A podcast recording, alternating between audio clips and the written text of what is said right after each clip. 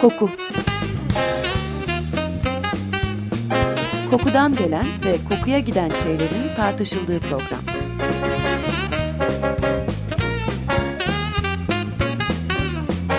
Hazırlayan ve sunan Vedat Ozan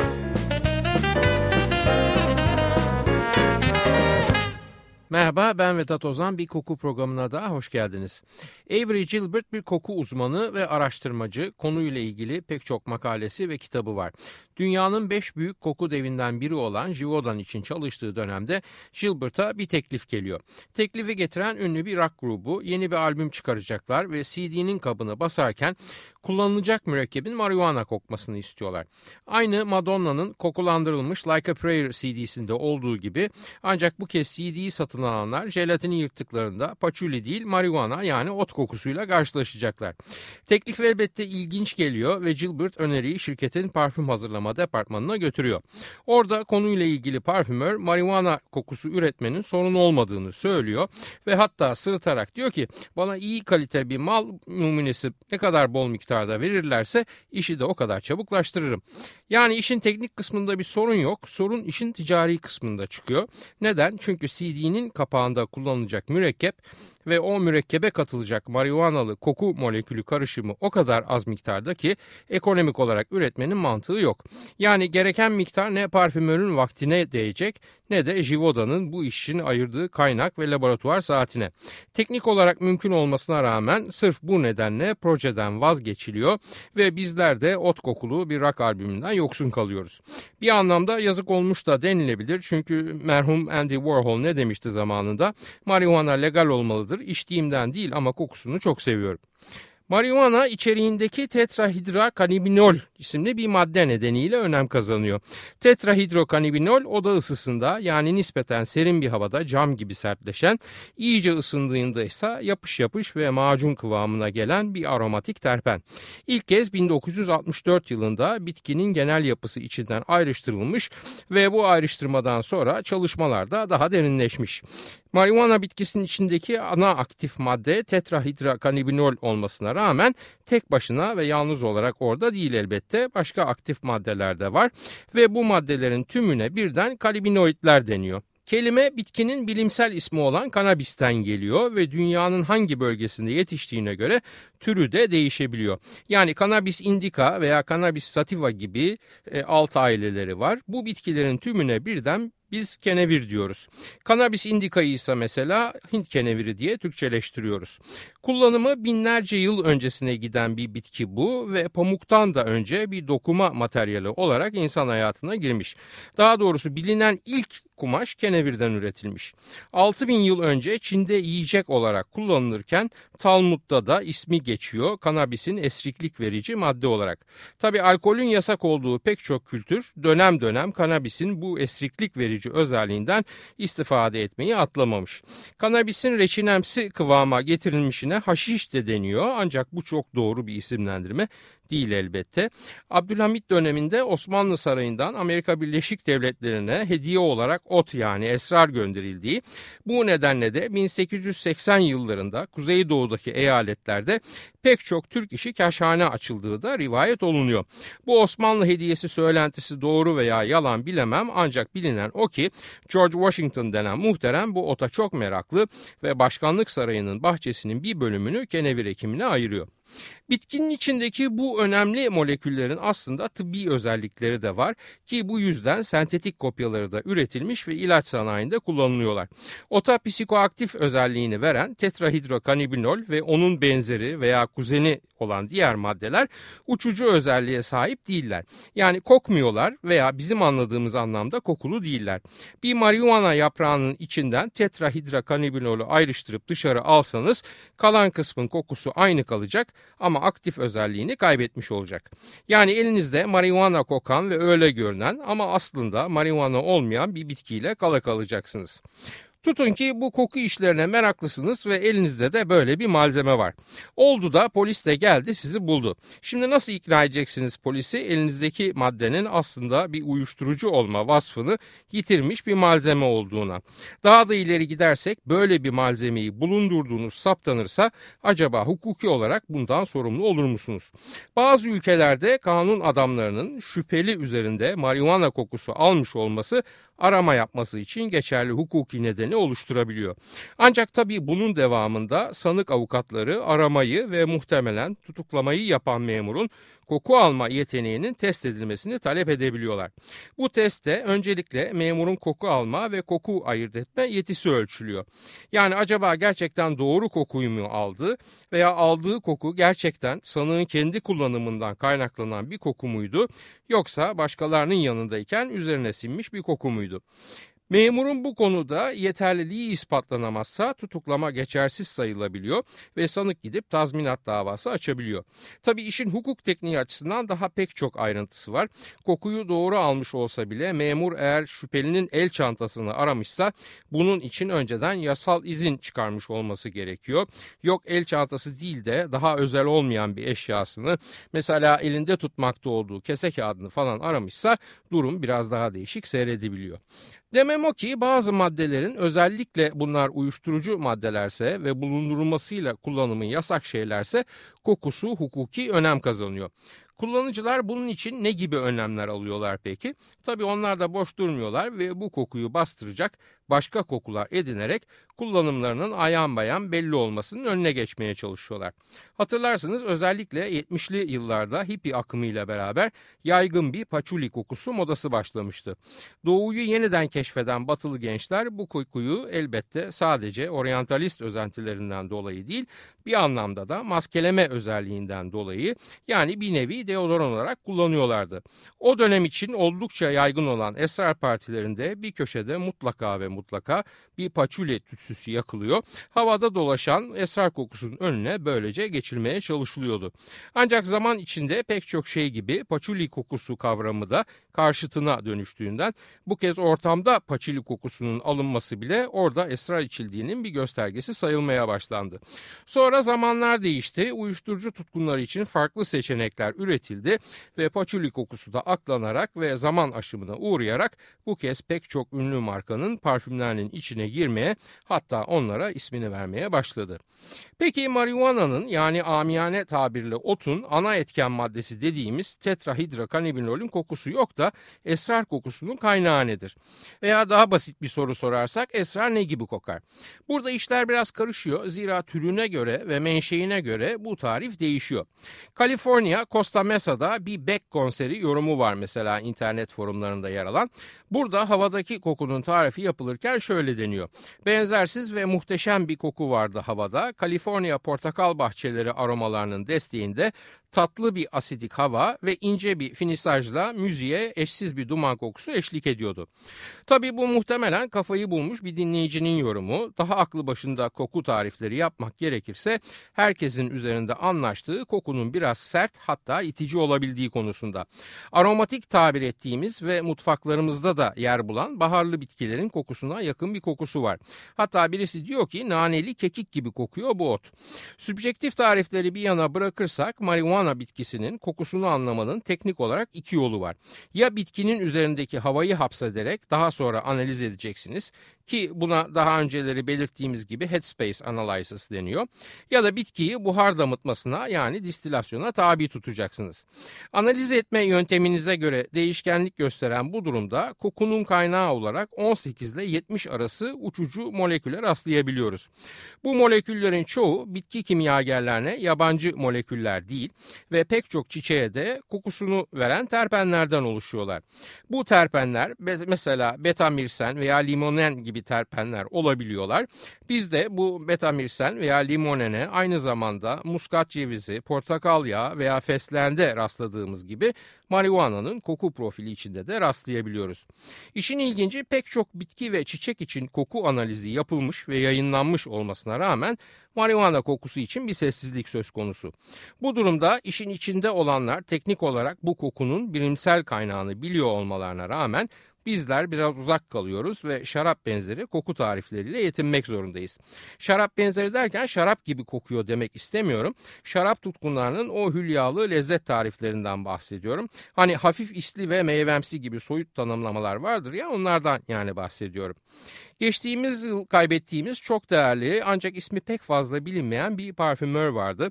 Hasbelkader benim de dostum olmuş olan Harris Jones. Harris Jones kokulu mum üreten bir müşterisi için bir zamanlar bir marihuana parfümü yapmış olduğundan bahsederdi. Bu parfüm için betapinen ve limonen ve bir kısım başka molekül kullanmış ancak gerçek sonuca ulaşması için bir de kokarca kokusuna ihtiyaç duyduğunu fark etmiş. Bunun üzerine kokarca notası üzerine çalışmaya başlamış. Onu tatmin eden eden kokarca notasına ulaştığında ise binde birlik seyreltilmiş halini binde beş oranında parfüm formülünün içine dahil etmiş. Yani tahmin edersiniz ki kokarcanın kokusu ne kadar kuvvetlidir.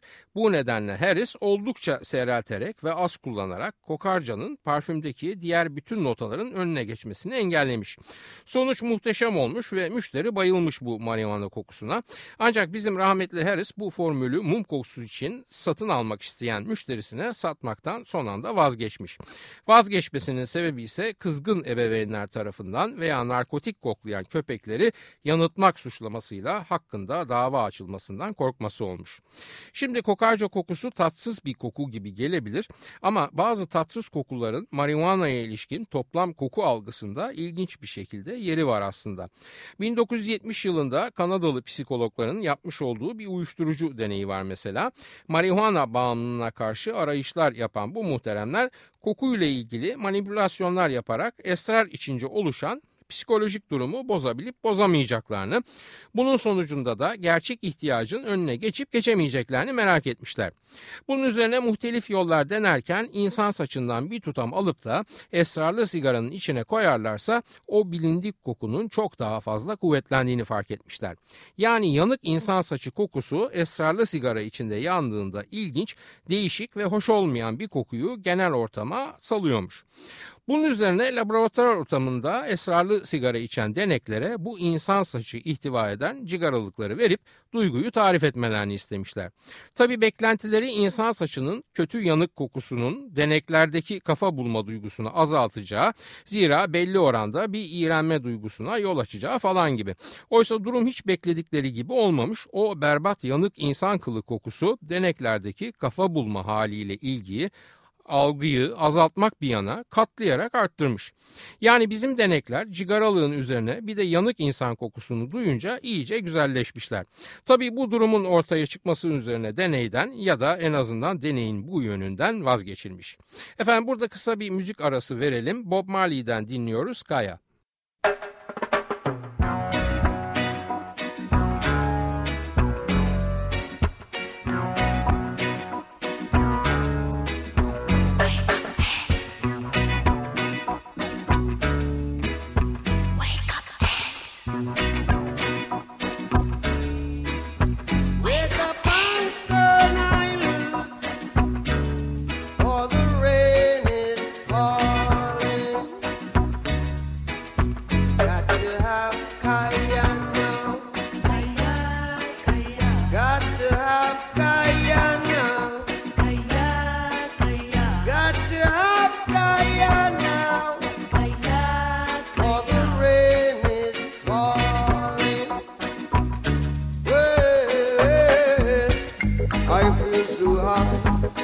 Even touch the sky above the falling rain. I feel so good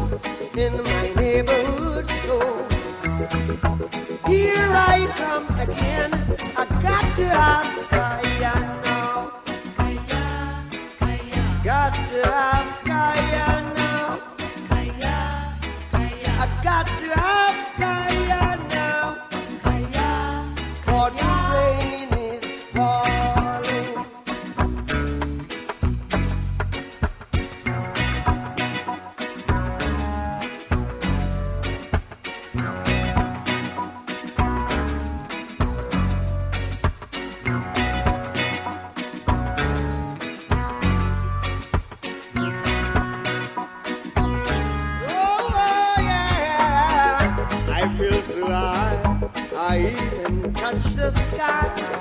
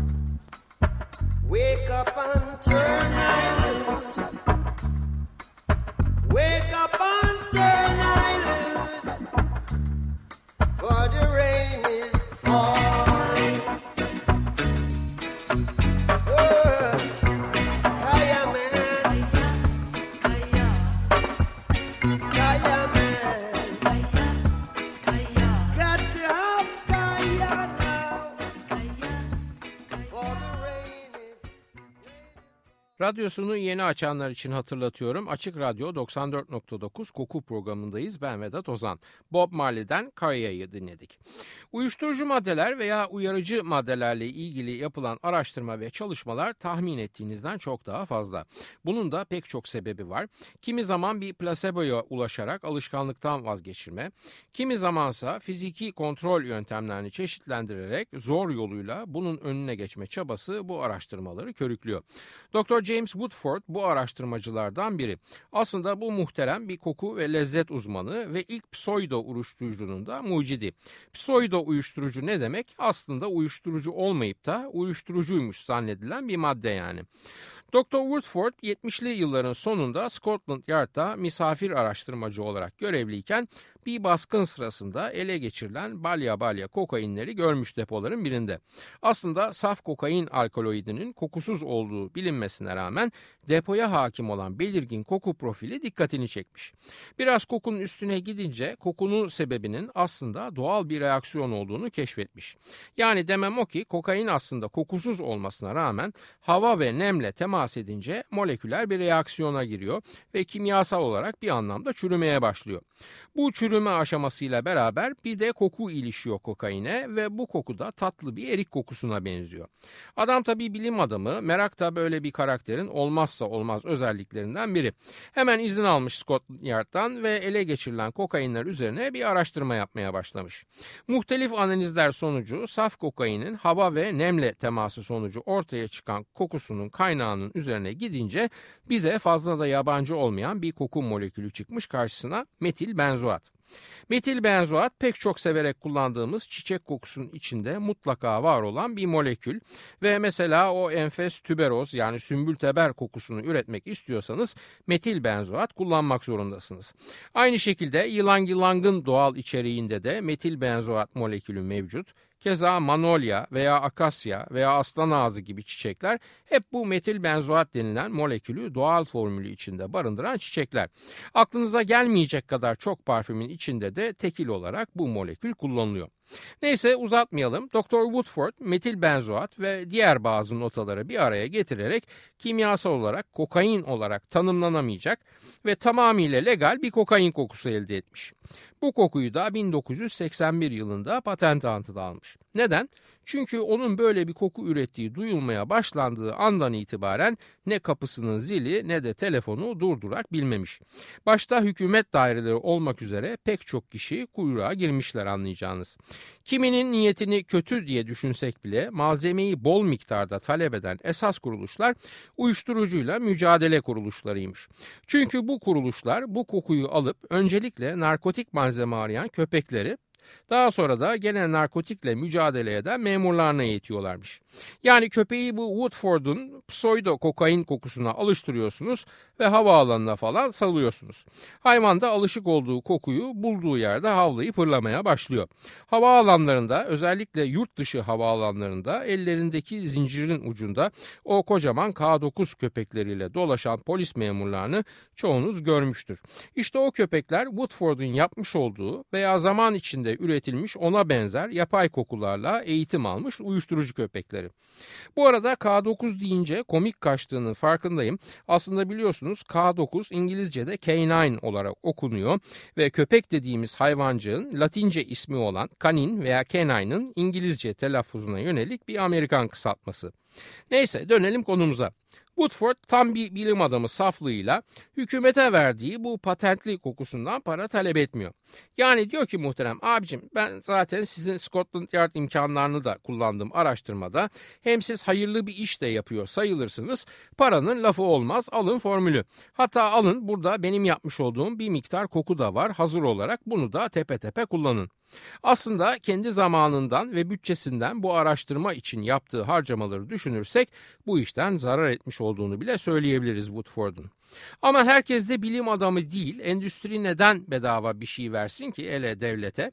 Kim kime, kara kaşına, kara gözüne karşılıksız bir şey verir zaten bu zamanlarda.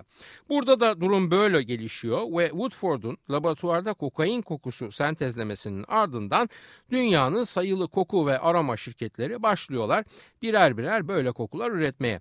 Kokain kokusunu üretiyorlar, LSD kokusunu üretiyorlar. Elbette arada bizim marihuana kokusu da eksik kalmıyor ve o da bu şirketlerin ürün listelerindeki yerini alıyor. Neden bu kadar üretim? Çünkü talep var. Neden talep var? Çünkü bu konuda gerek köpeklere gerekse insan gücüne eğitim verirken gerçek malzemeyi kullanmak pahalı. Unutmayın ki dünyada pek çok iş kolu gibi bu iş kolu da özelleşmiş durumda ve pek çok yerde bu uyuşturucuyla mücadele eğitimleri veya bu mücadelede gerekli olan araç gereç özel güvenlik şirketlerine ihale edilmiş vaziyette. Özel güvenlik şirketi de devlet değil ki deposunda el konmuş narkotik malzeme kaynasın.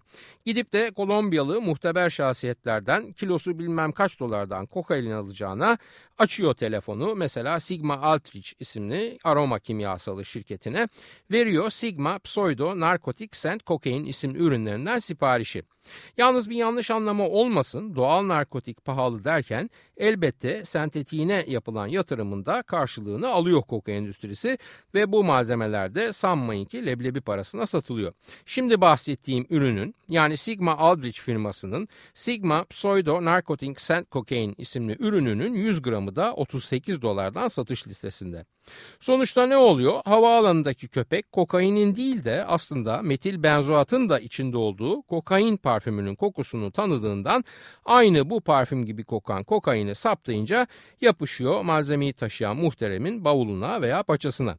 Bu tabi sadece kokain için geçerli değil, bütün uyuşturucuların veya uyarıcıların her malzeme gibi kendilerine has kokuları var ve bu kokuların da karakterleri öyle veya böyle başka tanıdık malzemelerden referanslar taşıyorlar. Ekstasiyi tespit etmek için mesela piperonal kokusu kullanılıyor ve piperonal dediğimiz molekül vişneli kurabiye gibi bir kokuya sahip. Metamfetaminin ise mesela vişne ile acı badem karışımı bir kokusu var. Şimdi benim tam çözemediğim bir şey var bu durumda. Bu uyuşturucu kartelleri falan aslında belki niyeti kötü denebilecek ancak asla aptal olmayan insanlar. Peki bunların aklına neden uyuşturucu bulma köpeklerinin kullanıldığı alanlara pek çok pseudo narkotik kokusunu birden farklı bölgelere salmak, böylece köpekleri şaşkına çevirmek hiç gelmemiştir. Neyse akıllarında böyle bir fikir yoksa biz uyandırmış olmayalım aman derim yani. Bu kadar çok uyuşturucu lafı geçen bir yayında henüz kafa yapamadıysanız bir de bizimle kafayı bulanlara bir bakalım yayını sonlandırmadan dilerseniz. Efendim eskiden mektup vardı, zarf vardı ve pul vardı. Bir kısım pullar mektubu adresine ulaştırmanın bedeli olarak işlev görürken bir kısım pul da bu işlevden bağımsız sadece koleksiyon amacıyla basılır ve satılırdı. Bir kısım Afrika ülkesi veya bazı Sovyet cumhuriyetleri bu koleksiyoner pulu olayına bayağı ciddi uyanmış yapmıştı ve habire cicili bicili, göreni hemen cezbedecek, yaldızlı falan ancak aslında fazla da değer ifade etmeyen pulları basıp dururlardı. Hatta ben de bir zamanlar pul meraklısıydım ve 3 boyutlu pullar falan bile hatırlıyorum piyasada dolaşan. Koleksiyon tutkusunun bir diğer yanında ise pulculardan ayrı olarak paracılar var. Yani teknik terimle filatelistlere karşı numismatikler de mevcut. Bu insanlar da para koleksiyonu yapıyorlar ve oldukça da yüksek değerlerde el değiştiriyor bir takım nadir para örnekleri. Hele ki bir de çil yani kullanılmamış olurlarsa. Elbette bazı ülke idareleri aynı pul olayında olduğu gibi bu olaya da uyanmış durumda ve tedavül değeri olmamasına rağmen koleksiyonerlere hitap edecek şekilde pazarlanacak bir takım paralar basıyorlar ülkelerinin darphanelerinde. Batı Afrika'da yer alan Benin Cumhuriyeti de bu ülkelerden biri. Tarım ve özellikle pamuk tarlalarıyla geçinen bir ülke Benin. Bu ülkenin darphanesi 2010 yılında tamamen koleksiyonerlere yönelik bir metal para serisi çıkartıyor. Serinin ismi dünyanın bitkileri kokulu metal paralar koleksiyonu. Bu koleksiyonda yer alan metal paralardan birinin bir yüzünde renkli olarak yani yeşil renkte bir kanabis bitkisi resmi yer alırken esas özelliğini ise paraya elini sürdüğünüzde hemen havaya karışan marihuana yani ot kokusu oluşturuyor. Kokuyu o yeşil renkteki bitki resmine basarken kullandıkları mürekkebin içine gömmüş muhteremler. Ancak bu metal paranın hiçbir şekilde tetrahidra kanabinol veya diğer kanabinoidleri içermediğinde not olarak düşmüşler kataloglarına. Hatta parayla beraber bir de sertifika veriliyor ki size.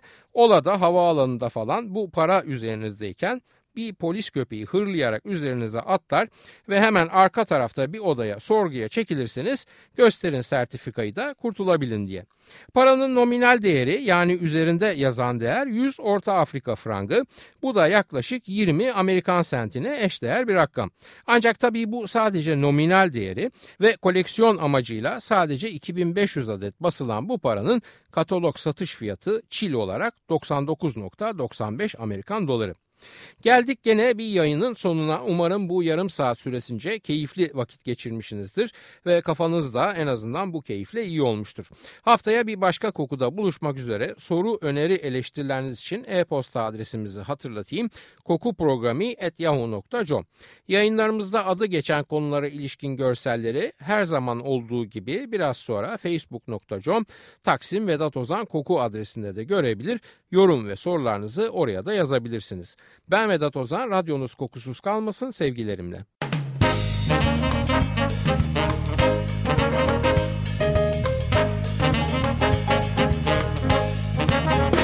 Koku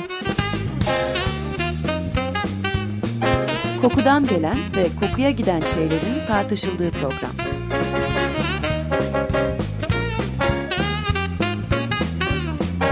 Hazırlayan ve sunan Vedat Ozan